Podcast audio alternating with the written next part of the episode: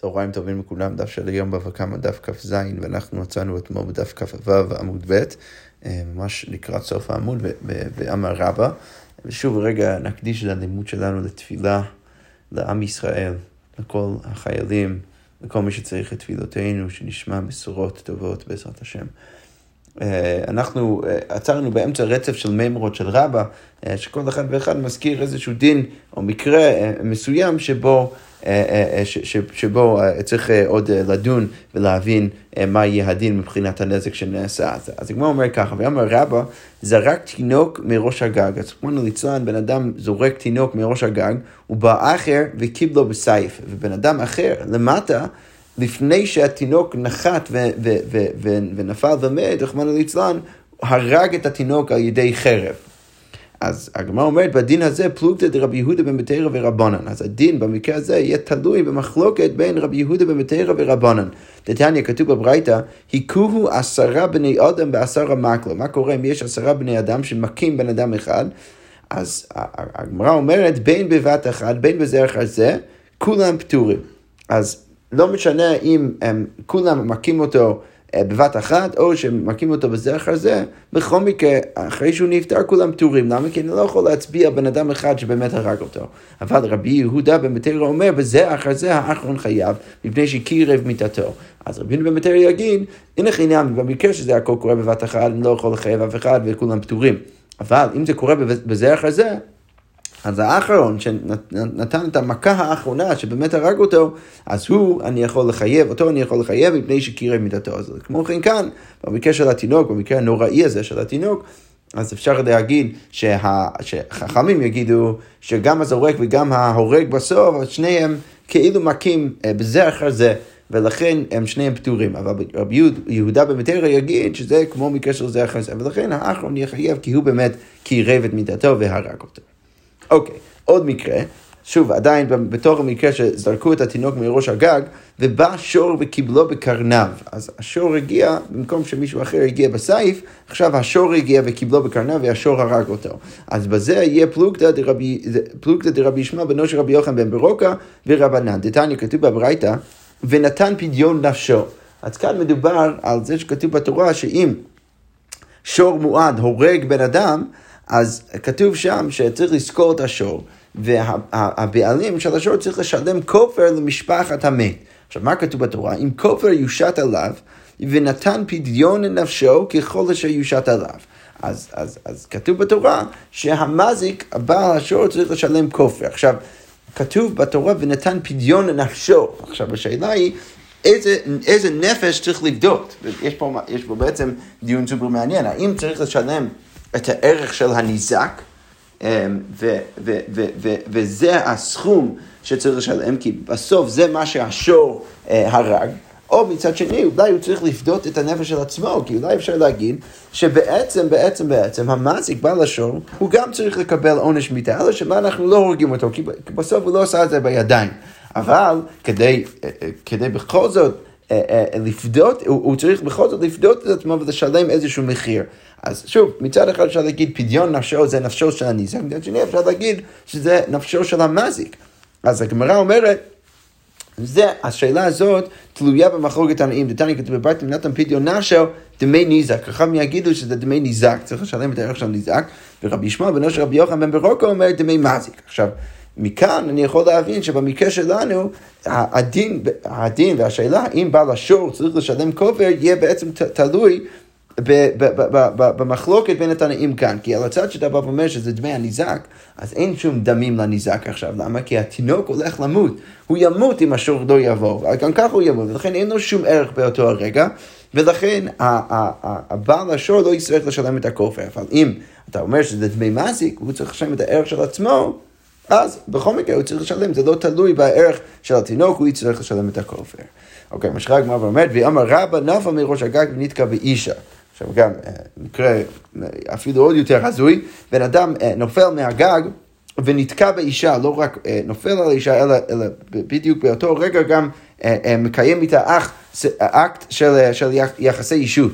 אז, אז הגמרא עכשיו שואלת על איזה דברים הבן אדם הזה צריך להיות חייב. אז רבא בא ואומר, חייב בארבעת דברים. אז הוא חייב בכל ארבעת הדברים. בנוסף, לכאורה, לנזק, אז הוא חייב גם כן בצער ריפוי שבט, סליחה. הוא, הוא חייב, לא בנוסף לנזק, הוא יהיה חייב בנזק, בצער, בריפוי ובשבט, ועוד שנייה אנחנו נראה שרבי יגיד שבבושת הוא לא יהיה חייב. אז הוא חייב בארבעה דברים, וביבימתו לא קנה. אבל אם מדובר על היבמה של אותו הבן אדם שבדיוק הוא נפל עליה, היית אולי יכול להגיד שעכשיו הוא קנה, אותו, או קנה אותה כיבמה, כך צריך לקנות יבמה על ידי ביאה. כאן רבא בא ואומר, למרות שאנחנו, זה, זה כן אקט של ביאה, בכל זאת הוא לא קנה את יבימתו. אה, רש"י כותב ש, אה, שאי אפשר להגיד שהוא באמת קנה את היבמה שלו, שלו למה? כי אה, רש"י כותב, למרות שאנחנו אמרנו במסכת יבמות שהבעל יבימתו בין בשוגג ובין במזיד קנה, הנימילי היכא דנתכוון לביאה. אז זה רק במקרה שהוא התכוון לביאה, אבל כאן הוא לא באמת התכוון לביאה, ולכן לא יכול להיות שהוא קנה אותה, קנה אותה כיבמה. אבל בכל מקרה רבא, רבא אמר שהוא חייב בארבע דברים, חייב בנזק, בצער, בריבוי, בשבט. עכשיו, רבא ממשיך ואומר, אבל בושת לא, הוא לא חייב בבושת, דתנן אינו חייב על הבושת עד שיהיה מתכוון. אז הוא יהיה חייב בבושת רק כשהוא מתכוון. אוקיי, משחק במומנט, ואמר רבא, נפל בראש הגג ברוח שאינו מצויה, אז עכשיו הוא נפל מראש הגג ברוח שאינה מצויה, אז הוא לא היה צריך... אה, אה, אה, להתכונן לרוח הזה, וזה בעצם הפיל אותו, והזיק ובייש. אז עכשיו הוא הזיק מישהו, בייש גם את אותו בן אדם. אז רבא אומר חייב על הנזק, פטור בארבע דברים. אז הוא חייב על הנזק, למה? כי זה מועד העולם. אבל פטור על, על, על ארבע דברים, כי בסוף הוא, הוא, הוא לא התכוון לזה, ולכן הוא פטור מצער, ריפוי ושבט, ועל הבושת הוא בכל מקרה פטור, כי אה, הוא לא התכוון לזה. אוקיי, ואם הוא נפל ברוח מצויה והזיקו באש, אז הוא יהיה פתאום חייב בארבע דברים, לא רק בנזק, אלא גם כן בצער, ריפוי ושבט, הוא פטור על הבושת, עדיין פטור על הבושת, כי אה, לא התכוון לזה. אבל אם נתהפך, אם הוא, הוא, הוא הזיז את הגוף שלו כדי דווקא ליפול על הבן אדם ולעשות את הנזק כדי ש, ש, ש, שלא ייפול על הקרקע, אז חייב האף על הבושת, יהיה חייב גם כן על הבושת. נתניה כתוב בברייתא ממשמע שנאמר ושלחה ידה, איני יודע שהחזיקה, הרי כתוב בתורה גם כמקרה אה, נוראי, כי נצאו אנשים יחדיו, איש ואחי, וקרבה אשת האחד להציל את אישה מיד מכהו, ושלחה ידה והחזיקה במבוסף. אז, אז, אז היא, היא, היא אוחזת במבוסף אה, אה, של, של אותו הבן אדם ש, שרב עם בעלה. אז כתוב בתורה איזשהו לשון כפול, ושלחה ידה והחזיקה במבוסף, במבושב, סליחה. אז, אז, אז הגמרא אומרת, זה שכתוב, ושלחה ידה, איני יודע שהחזיקה, מה אתה לומר שהחזיקה והחזיקה? למה צריך גם כן להגיד והחזיקה? אז נאמר לך, זה בטח בא ללמד אותי, כיוון שנתכוון להזיק, אף על פי שלא נתכוון לבייש. אז ברגע שהוא התכוון להזיק, או שהיא התכוונה להזיק, אז למרות שהיא לא התכוונה לבייש, אז בכל זאת... אה, אה, בכל זאת הוא צריך להיות חייב לבושת, ולכן כמו כן כאן, ההוא ש, ש, שהפך את גופו באמצע ובאמת התכוון לנחות על גבי הבן אדם, למרות שהוא לא התכוון לבייש אותו, כאן, אה, בגלל שהוא התכוון לנזק, אז הוא חייב גם כן על הבושת. ואומר רבא, ורבא עוד מוסיף ואומר, הניח לו גחלת על ליבו, ומת פטור. אם בן אדם הניח גחלת על גבי ליבו של בן אדם אחר, אז, אה, והבן אדם הזה נפטר, אז ההוא שהניח את הגחלת פטור. למה? כי הבן אדם שנפטר היה צריך להזיז את זה ולהסיר את זה.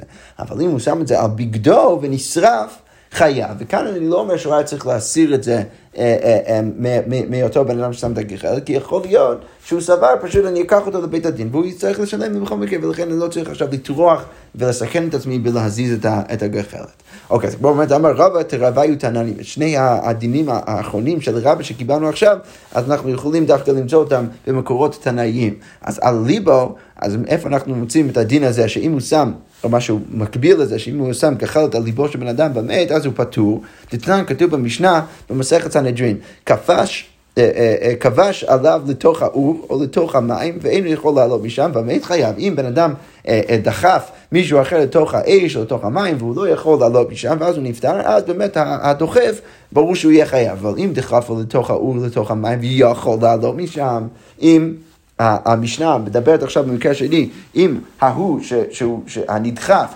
יכול לעלות משם והוא לא עלה ומת, אז פטור, אז באמת אשמתו, הוא היה צריך לעלות והוא לא עשה את זה ולכן הוא פטור. בדיוק כמו המקרה של רבא שהוא היה צריך להסיר את הגחלת והוא לא הסיר. אוקיי, אז זה לגבי המקרה של הגחלת על, על ליבו של הבן אדם. מה, מה עם המקרה שהוא שם את הגחלת לגבי הבגד? של חברו, אז, אז רבא ממשיך ואומר, בגדו, זה אנחנו יכולים גם כן למצוא במשנה, דווקא במשנה במסכת בבא קמא, ששם כתוב מה, דתנן, קירא את כסותי שבר את כדי חייב. אם בן אדם אה, אומר לחברו, אתה יכול לקרוא את הכסות שלי, אתה יכול לשבור את הכד שלי, אז אפילו אם הוא עושה את זה, הוא יהיה חייב. עכשיו, למה הוא יהיה חייב? כי אתה לא יכול להניח עכשיו שה, ש, שבעל הנכס בעצם בא ואומר, אני מוותר על, על הדבר. לא, כי יכול להיות שאיזושהי סיטואציה, איזושהי סיטואציה גרם לו, גרמה לו להגיד לחברו לשבור את זה, אבל הוא חושב בעצמו שהוא עוד ירצה לקחת את חברו לבית הדין ולקבל על, על זה כסף. ולכן... אולי הוא אומר את זה, ולכן באמת במקרה הזה החבר יהיה חייב. בדיוק כמו המקרה של, של רבא, זה אולי חידוש יותר גדול, אבל, אבל ודאי שזה יסכים במקרה של רבא, ששם רבא יגיד שאם הוא שם את הכחלת לגבי הבגד של חברו, אז אל תחשוב שזה שהחבר לא הסיר את זה, אז פתאום זה אומר שהוא מוותר על הבגד. לא, יכול להיות שהוא לא מוותר על הבגד, הוא רק מתכוון לקחת את חברו לבית הדין, ולכן הוא יהיה חייב. עכשיו, יש עוד מקרה שם במשנה, אה, אה, בדף אה, צדיק, צדיק ב' עמוד א', ששם כתוב על מנת לפתור פטור. אם הוא אומר לו, קירה קריאת כסותי על מנת לפתור רק בתנאי שאתה תהיה פטור, אז באמת הוא יהיה פטור אם יעשה את זה, ושם באמת אי אפשר להגיד שלבעל הנכס יש איזושהי אה, אה, אה, אה, טענה להגיד, לא, באמת רציתי לקחת אותך לבית הדין, כי הוא, כי הוא אמר במפורש, תעשה את זה על מנת שאתה תהיה פטור. אוקיי, אז עכשיו לגבי זה הגמרא שואלת, אם אנחנו מניחים ששוב, אם הוא הניח את הגחלת על גבי ליבו של חברו, הוא יהיה פטור ועל הבגד, אז הוא יהיה חייב, אז באי רבא הניח גחלת על לב עבדו מה. מה קורה אם הוא שם גחלת על גבי הלב של העבד של מישהו. אז עכשיו השאלה היא כגופו אדם יהיו כממון אדם. מצד אחד אפשר להגיד שזה כמו גופו, ולכן אם העבד מת, אז, אז הוא היה צריך להסיר את זה, ולכן הוא פטור. או מצד שני אפשר להגיד שזה כמו ממונו של אותו האדון, שזה העבד שלו, והוא היה צריך להסיר את זה, סליחה, וזה שהוא לא הסיר את זה, זה לא מראה שהוא באמת ויתר על העבד, ולכן הוא יהיה חייב. הגמרא אומרת, ואם תמצאי לומר כגופו דם, ואם אתה רוצה להגיד שהעבד כמו גופו, ולכן הוא יהיה פטור, אז שורו מהו, מה תגיד לגבי השור? אז הגמרא אומרת, הדר פשטה, אחרי זה רבא ענה לשאלה ואומר, עבדו כגופו, אז העבד כמו גופו, ולכן הוא יהיה פטור, שורו כממונו, ולכן הוא יהיה חייב. ובזה סיימנו את הפרק, הדרן הלך כיצד לרגע, ועכשיו אנחנו מיד אה, נתחיל את הפרק הבא, הפרק אה, המניח את הכד. אז אה, המשנה עכשיו נכנסת ישירות לעניין ואומרת ככה. המניח את הכד ברשות הרב, בן אדם מניח כד ברשות הרב, אם הוא אחר ונתקע בה ושברה פטור. אז עכשיו יש הנחה פשוטה שבן אדם ששם משהו ברשות הרב, לכאורה הוא לא היה אמור לשים את זה שם, או שהוא יכול לשים את זה שם, והוא צריך אבל לקחת בחשבון שיכול להיות שזה יישבר, ובאמת מה שקרה זה מישהו אחר הגיע ונתקע בה ושבר את אותו הכד, אז במקרה הזה, המשנה אומרת שהוא יהיה פטור. המזיק ששבר את הכד יהיה פטור. ואם הוא זק בה, ואם המזיק ששבר את הכד גם כן קיבל על ידי זה נזק, הכד אה, עשה נזק אה, אה, אליו, אז באמת במקרה הזה אנחנו נגיד שבעל החבית חייב בנזקו. בעל החבית עוד, עוד בתחילת הגמרא אנחנו נעמוד על, על, על ההבדל בניסוח, בהתחלה, בתחילת המשנה מדובר על הכד, פתאום מדובר על החבית, זה אנחנו עוד נדון, אבל אנחנו אומרים כאן שבעל החבית יהיה חייב. אז לא רק שאם מישהו שובר לו את הכד ברשות הרבים, אז הוא ששובר פטור, אלא אם הכד שלו עושה נזק למישהו אחר, אז הוא יהיה חייב, בעל החבית, בעל הכד יהיה חייב בנזקו. אז קודם כל הגמרא רק מטפלת בשאלה הלשונית והניסוח של המשנה. הגמרא אומר ככה, פתח בכאן וסיים בחבין. הרי פתחת את המשנה, אמרת, דיברת בן אדם שמניח את הכד ברשות הרם, פתאום בסוף המשנה אתה אומר, בעל החבית חייב. הגמרא אומרת, ותנענה, וכתוב גם כן אה, ככה במשנה, שאנחנו עוד נפגוש אותה בל"ד עמוד שמה כתוב שם? זה בא בחביתו וזה בא בקורתו, נשברה כדו של זה בקורתו של זה, פטור. עכשיו, שוב, לא ניכנס לכל, לכל המקרה שם, מדובר במקרה שבן אדם בא לרשות הרב עם חבית, בן אדם אחר בא בקורה, וה, וה, וה, והקורה אה, אה, אה, שובר את, ה. עכשיו, מה כתוב במשנה? זה בא בחביתו. ו- ו- ואז בהמשך כתוב נשברה כדו של זה, בקורתו של זה. אז למה גם שם התחילו בחבית וסיימו בכד, זה כמו פתח בחבית וסיים בכד, מאוד מוזר. ותננה כמו ככה במשנה או בהמשך המסך בדף קט"ו עמוד א', ששם כתוב מה? זה בא בחביתו של יין, זה בא בכדו של דבש, נסדיקה חבית של דבש עם פתאום יש איזשהו סדק בחבית של הדבש, ושפך זה ידו והציל את הדבש לתוכו, אין לו אלא שכרו. עכשיו, מעניין מאוד, מקרה, מקרה מאוד מעניין, בן אדם שפך את היין כדי להציל את הדבש של השני, השאלה היא האם הוא יכול לטעון שהשני עכשיו צריך לשלם לו על כל היין או רק על, ה, על, ה, על, ה, כמות כסף שהוא היה משלם לפועל לעשות את העבודה הזאת, להציל את הדבש. אז המשנה שם מכריעה שאין לו על שכרו, הוא יקבל רק את שכרו ולא את הערך של היין עצמו.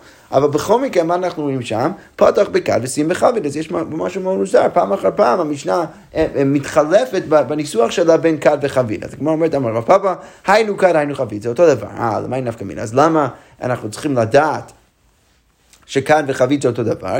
למקח וממכר. זה נפקא מינה למקח וממכר, שמה הכוונה? במקח וממכר רש"י כותב שביד המוכר לא לתת לו איזושהי ירצה. אם בן אדם בא ומבקש כד ממישהו אחר, הוא רוצה לקנות ממנו כד, אז בעל המוכר יכול להביא לו או כד או חבית, וזה בעצם אותו דבר, קוראים לזה אותו דבר, ולכן אין בעיה להביא, אה, להביא אחד משני הדברים האלו במקרה שמישהו שאל את זה ממנו, כי זה בסוף אותו דבר.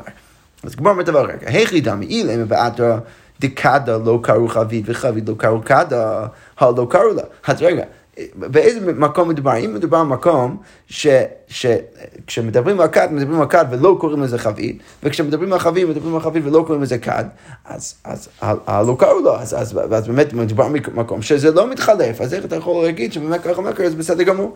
אלא בטח מה צריך להגיד? לא צריכה, דרובה קראו לה לחדה קדה ולחבית חבית. רוב האנשים קוראים לכד כד ולחבית חבית, ואיגנמי דקראו לחבית כד ולכד חבית. ויש גם כן אנשים שמתחלפים בניסוח וקוראים לחבית כד ולכד חבית. אז מה הייתי חושב? מהו דתימה זילבת הרובה? רוב האנשים קוראים לחבית חבית ולכד כד, ולכן אי אפשר להגיד שזה מתחלף. כמה שמלן דיינו הולכים בממן אחר הרוב, אנחנו לא הולכים בממן אחר הרוב, אנחנו חוששים למיעוט, ואנחנו אומרים שבגלל שיש מיעוט מהאנשים שמתחלפים בניסוח, אז זה כבר בסדר גמור, בן אדם המוכר יכול להביא ללוקח את מה, ש, מה שבא לו, ברגע שהלוקח ביקש ממנו כד או חבית. אוקיי, יפה. אז כל זה לגבי רק הניסוח של המשנה. עכשיו אנחנו נכנסים לתוכן. אז ראינו שבתוכן של המשנה מדובר במקרה שבן אדם מניע כד ברשות הרב, אם בא אחריו נתקע בה שברה. אז אמרנו שהשני מגיע, הוא שובר את הכד, או את החבית, אז אמרנו שם שהשובר, המזיק הוא פטור. כמו מה היא פטור? היא באה לעיוני ומזה. אז, אז מאוד יפה, הגמרא כאן פשוט מתחילה עם הנחת יסוד אחרת לגמרי, שזה משנה לה לכאורה את כל הדין. אנחנו אמרנו במשנה מאוד פשוט, הנחה פשוטה במשנה, זה שמישהו שם משהו ברשות הרב, הוא צריך לקח בחשבון שיכול להיות שהדבר הזה יישבר, ולכן כל מי ששובר את זה באמת יהיה פטור. אבל הגמרא לא מקבלת את זה, הגמרא אומרת לא הפוך, מי שמסתובב ברשות הרבים, אז הוא צריך לדאוג לכך שהוא לא ישבור דברים. ולכן הגמרא לא מבינה למה באמת הבן אדם הזה אמור להיות פטור. הרי היא באה אלי לעיוני ומאיזו היה צריך ללכת ולהסתכל איפה, איפה שהוא הולך ולא לשבור דברים. אז כמו אומרת, אין לך עניין, באמת האמוראים כולם מסכימים לזה, ולכן כל אחד ואחד עכשיו יביא איזשהו אוקימתא למשנה כדי להבין למה דווקא במקרה הזה פטור, אבל הנה חינמי שבאמת במקרה רגיל, אז, אז, אז המזיק היה צריך להיות חייב. אז כמו אומרת, תירוץ ראשון, אמרי דבי רב משמי די רב, זה לכאורה התירוץ הכי קיצוני, בממלא רשות הרב עם כול החביות. אה, מדובר במקרה שבן אדם לא סתם שם איזשהו, איזשהו אה, כד ברשות הרבים, אלא הוא מילא את כל רשות הרבים בחביות. ולכן ברור שמי שמסתובב שם אין לו שום מקום ללכת, ולכן אם הוא שובר משהו אז אני פותר אותו, כי, כי, כי ההוא ששם את כל החביות שלו שם לא היה אמור לעשות את זה, הוא מילא את כל רשות הרבים, ולכן בגלל זה אני יכול להבין למה המשנה אומרת שהמזיק יהיה פתור. שמואל אמר, הוא קים את השנייה, באפלה שנה, מדובר על הלילה, ולכן אני לא יכול לחייב את המזיק, כי בסוף הוא לא, יכול, לא היה יכול לראות את זה, ובאמת ההוא ששם את זה שם היה צריך לקחת בחשבון שמדובר על לילה, ולכן, אה, אה, ולכן המזיק יהיה פתור. אוקיי, okay, רבי יוחנן אמר בקרן זווית, רבי יוחנן בא ואומר שמדבר קרן זווית, ולכן לא מצפה מהמזיק תמיד בכל קרן זווית ברשות הרבים לראות מה יש בצד השני, ולכן שם אני פותר, אבל אני חינם לכל המוראים באמת במקרה רגיל, אז הייתי צריך לחייב. אז הוא אומר רב פאפה, לא די כמתניתין אלא או כשמואל או כרבי יוחנן. אז רב פאפה בא ואומר, אני יכול להבין את המשנה אליבא דשמואל ואליבא דרבי יוחנן, אבל אליבא דרב אני לא מסכים. דאי כרב מה עיריה נתקע, אפילו שבר נמי. הרב בא ואומר, אם רצית להגיד שהמשנה מדברת על מקרה כמו רב, שהוא מילא את כל רשות הרבים בחביות, אז למה במשנה כתוב נתקל, שזה לכאורה משמע שזה קרה בשוגג? הרי אפילו שבר נמי, אפילו אם הוא שבר את זה במזין. אז הוא היה צריך להיות פתוח. למה? כי הבן אדם הזה מילא את כל רשות הרבים. מה אתה עכשיו מצפה מכל אחד עכשיו לא להסתובב ברשות הרבים? ברור שלא, ולכן אפילו אם שבר את זה במזין, אז הייתי צריך לפתור, ולכן לא ברור למה המשנה, אליבא דרב, השתמשה בניסוח של נתקע ולא של, של, של, של שבר. אז הגמרא אומרת לו, אמר רב זביד משמי דרבה, הוא הדין אפילו דאפילו שווה. לא, אפשר להגיד שנחנם, באמת, המשנה מדברת גם כן על מקרה של שבר. ולכן אפשר להעמיד את המשנה ולהבין את המשנה גם כן על ליבי דרב. והי דקתני נתקע, וזה שכתוב נתקל במשנה, הייתי דבאי למיתני סיפא, בגלל שרצינו להגיד בסיפא, ואם הוא זק בה, בעל החב יתחייב ונזכו, ששם זה דווקא נתקל, אבל שבר לא, מאי תימה, הוא דאזיק הנפשי, קטני רשת נתקל. אז קראתי עכשיו משפט ארוך, אבל בוא, עכשיו רק נבין את המשפט. אז, אז רב בא ואומר, באמת המשנה התכוונה בדין הראשון שלה, שאפילו אם הוא שבר את זה, אז הוא יהיה פטור. עכשיו, למה אבל כתוב נתקע? לכאורה היית צריך להגיד חידוש יותר גדול, שאפילו אם שבר במזיד, הוא עדיין יהיה פטור, כי אם הוא מילא עכשיו את כל רשות הרבים בחביות, אז למה השתמשו בניסוח נתקע? זה בגלל הסיפא. מה כתוב בסיפא? אם הוזק בה אם המזיק הוזק על ידי הכד או החבית של אותו ששם את זה שם, אז באמת במקרה הזה אנחנו נגיד שבעל החבית חייב לזכור. עכשיו, שם בסיפא, הגמרא אומרת, דווקא נתקע זה יהיה נכון רק במקרה שהוא נתקע בזה בשוגג. אבל אם הוא שבר את זה, אז אי אפשר להגיד שבעל החבית יהיה חייב. אבל שבר לא, מה טיימה? הוא דאזיק הנפשי, כי בסוף זה ההוא שהזיק את עצמו, ולכן באמת במקרה הזה אי אפשר, אה, במקרה הזה אי אפשר לחייב את בעל החבית, ולכן בגלל זה בסיפא היינו צריכים לדבר על דווקא על מקרה של נתקע ולא מקרה של שווה, ולכן כתוב רישא נתקע, ולכן ברישא גם כן השתמשנו בניסוח של נתקע, אבל אני חינמי שבאמת אפשר להגיד ש, שגם במקרה של שווה הוא יהיה פתוח, ואפשר להבין גם את המשנה, גם ליבדי רב והאוקים תשת לו. אוקיי, עכשיו הגמרא אומר ככה, אמר לי רבי אבא לרב אשי, הוכי אמרי במערב ובשמי דרבי אולה. אז בארץ ישראל ככה אמרו בשמו של רבי אולה, לפי שאין דרכן של בני אדם להתבונן בדרכים. אז כאן אנחנו לכאורה מקבלים איזשהו פירוש אחר למשנה, שלא מביאה אוקימתא באותה צורה. מכל שאר המוראים אה, באו ואמרו שצריך להבין שמדובר על איזשהו מקרה מסוים, שרק בגלל זה זה מצדיק למה השובר פטור, אבל באמת במקרה הזה, במקרה רגיל הוא היה צריך להיות חייב. כאן אומרים בשמו של רבי אולה שהסיבה שהוא פטור זה בגלל שאתה לא יכול לצפות מאנשים להסתובב ברשות הרבים ולהתבונן בדרכים. מי ששם משהו ברשות הרבים, שוב, כמו שהסברתי את פשט המשנה, מי ששם משהו ברשות הרבים, צריך לקחת בחשבון שיש אנשים שמסתובבים, לא מסתכלים על כל דבר, ולכן יכול להיות שהם ישברו דברים, ולכן זה דווקא האחריות עליו ולא על ההוא ששבר, ולכן הוא יהיה פתור.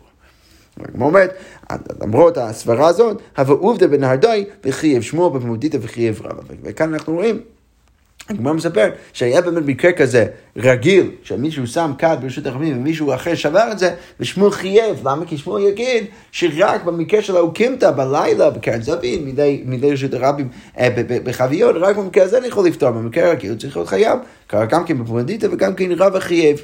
אז הגמרא אומרת בשלמה שמואל כשמעתי, כי הוא יכול להעמיד את זה כהאוקימתא שלו, שזה קרה בלילה, רק שם זה יהיה פתוח, אבל במקרה הרגיל יהיה חייב.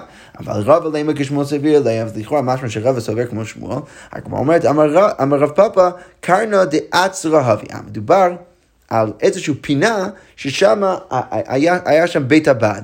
דכיוון דברשות כעבדי, איבאי לעיוני מזס. ששם זה עוד דוקימתא, למה רב חייב? רב חייב בגלל ששם, בדרך כלל באמת הוא היה פותר, אבל רב חייב בגלל שהיה מדובר שם על איזושהי פינה שם של, של בית הבד שהיו צריכים וזה באמת אולי אפילו היה מותר להם להוציא את הכלים עם כל השמן זית וכל הדברים לרשות הרבים, ולכן ההוא שעבר שם היה צריך לדעת, הוא היה צריך להסתכל על זה שהוא לא הסתכל ושבר, אז באמת הוא היה צריך להיות חייב. אוקיי, יפה. אז עכשיו, על גבי כל הדיון הזה, הגמרא עכשיו אה, נכנסת לדיון מקביל. אה, אה, ש, שמתחיל ככה, זה, הופך, זה יהפוך להיות, כפי שאנחנו נראות שנייה, דיון מאוד מפורסם, סוגיית אבי דין לשדין לנשי, והסוגיה באמת פותחת ומתחילה ככה. שלח לרב חיסא לרב נחמן, הרי אמרו לרכובה שלוש, לבעיטה חמש, ולסנוקרת 13. וכאן מדובר על, על תשלומי הבושת שצריך לשלם כשבן אדם מכה בן אדם אחר. רש"י כותב, הרי אמרו לרכובה שלוש, מנהג הדיינים לגבות מן הבועט את חברו בארכובתו, בארכובתו של בועט, שלוש, אה, שלושה סלעים לבושת, לפי שגדולה בושת מכת הארכובה מדחיפת היד. אז אם בן אדם סתם דחף את חברו, אז הוא לא צריך לשלם כזה הרבה כסף על בושת, אבל אם הוא בעט בו בארכובה שלו, בברך, אז שמה אני מניח שהבושת יותר גדול, הוא צריך לשלם שלושה סלעים. עכשיו, אם הוא בעט אותו ברגע ולא בברך, אז שמה הוא צריך לשלם עוד יותר, שמה הוא צריך לשלם, לשלם חמש. ואם הוא, הוא, הוא, היכה אותו בסנוקרת, מה שכותב, זה עוקף של החמור, שהיכה בו את חברו, אז הוא צריך לשלם עוד יותר, הוא צריך לשלם 13. אוקיי, יפה. כל זה לגבי כל מיני דינים. עכשיו, מה קורה אבל אם הוא, אם הוא מכה אותו, עם מה? לפנדה דמרה ולקופינה דמרה מאי, כמה הוא צריך לשלם אם הוא מכה אותו עם הכלי שלו. אז, אז, אז, אז פנדה דמרה זה הבית יד של הכלי, והקופינה דמרה זה הברזל של הכלי שמשתמש בו אה, בשדה. אז אם הוא מכה אותו מהפנדה דמרה או מקופינה דמרה, כמה אנחנו אמורים לחייב אותו. אז, אז הגמרא אומרת שהרב נחמן חוזר ואומר לרב חיסדא, שלח לי חיסדא חיסדא קנסה כמגבית בבבל, אתה, אתה גובה קנס בבבל? הרי בדרך כלל אה, לא גובים קנסות בבבל, זה אנחנו כבר יודעים מכל מיני סוגיות, בעיקר במסכת אה, סנהדרין, שלא גובים קנסות בבבל, איך אתה גובה קנס? אז הוא אומר, אז, אז ממשיך רב נחמן, אומר לרב חיסדא, אימה לי גופא דעובדא היכייה, ותגיד לי, מה בדיוק היה מקרה? אז שלח לי דהו גרגותא דבית רע, איזשהו אה, בור של שני אנשים ששם יש מים, וכל יום אהבה לי דלי אחד מניים, שכל יום זה היום של מישהו שאכל מהם, אז, אז כל, כל יום אחד מהם מרוויח מה, מהמים שהוא יכול uh, לשאוב מהבור. אז את אחד, אבל ביום אחד כדלי ביום ודלא דילי, אז אחד מהם uh, uh, מעלה, שואב את המים ביום שזה לא שלו. אז אמר לה, יום ידידי הוא. אז השני בא ואומר לו, זה היום שלי, לא אשכח בי. הוא לא השגיח בו, לא, לא, לא הסכים להקשיב לו, הוא בכל זאת המשיך ולקח משם את, ה, את, את מה, ש, מה, ש, מה שהוא חושב שמתאים לו. אז השני, שזה באמת היום שלו, שקו פנדה דמרה מחיה, אז הוא לוקח את, את פנדה דמרה והוא מכה אותו. אז עכשיו רב, רב חיסדא שואל את רב נחמן כמה הוא צריך להיות חייב. אז היא אומרת, אמר לי, אז נחמן חוזר ואומר לרב חיסדא, מאה פנדי בפנדי למחיה, הוא אמור לעשות את זה מאה פעמים לעקוד אותו, למה? אפילו למאן דאמר לו אביד אינש דין לנפשי, אפילו להוא שאומר שבן אדם לא יכול לקחת את הדין, את הדין בידיים של עצמו, והוא צריך לחכות להגיד לבית הדין, זה רק במקום שאין פסידה, אבל במקום פסידה, שהנה השני באמת לוקח ממנו את מה שמגיע לו באותו היום, אז אביד אינש דין לנפשי, ולכן הוא היה יכול לעקוד את זה, וזה לא נחשב כקנס. ואתה, רב חיסדא שואל כמה הוא צריך לשלם, אני אומר לך שהוא לא חייב בכלל, הוא יכול לעשות את זה עוד מאה פעמים, כי באמת במקרה הזה כולם יסכימו שעביד אינש לנפשי. והגמרא אומרת, מאיפה אנחנו רואים שזה בכלל מחלוקת? דאיתמר רב יהודה אמר, לא עביד אינש דין לנפשי, ורב נחמן אמר, עביד איניש דינא לנפשיה. הגמרא אומרת, והגמרא משכב אומרת, היכא דאיכא פסידא, כולי עלמא לא פליגי דעביד איניש דינא לנפשיה. אם יש פסידא, אם אתה לא תעשה, לא תיקח את הדין לתוך הידיים שלך ממש עכשיו, אז אתה תפסיד על זה כסף. אז ברור שכולם מסכימים שעביד איניש דינא לנפשיה. מתי יש מחלוקת? כי פליגי היכא דליכא פסידא. רב יהודה אמר לא עביד איניש דינא לנפשיה, דכיוון דליכא פסידא ליזיל קמי דיינא, אז אם אין פסידא, אז רב יהודה יגיד לא עביד איניש דינא לנפשיה, כי אתה צריך עכשיו ללכת לבית הדין, אין פסידא, ואז תחכה עד בית הדין. רב נחמן אמר אבי דין של לנפשי, דכיוון דבדין עבד, בגלל שאתה עושה את זה מן הדין, ויש לך זכות לעשות את זה, אז לא טרח, אנחנו לא מטריחים אותך לקחת את הבעל דין שלך לבית הדין, זה טורח גדול. ולכן אתה יכול לקחת את, את הדין בתוך הידיים שלך, ואפילו במקום שאין פסידה, אביד אינש דינה לנפשי. יפה, זה ככה פותח לנו כבר את הסוגיה של אביד אינש לנפשי, ואנחנו עוד נמשיך מחר אה, בדיון אה, עם כל הראיות, אה, בעזרת השם, וכל זאת ועוד מחר. שקוייך.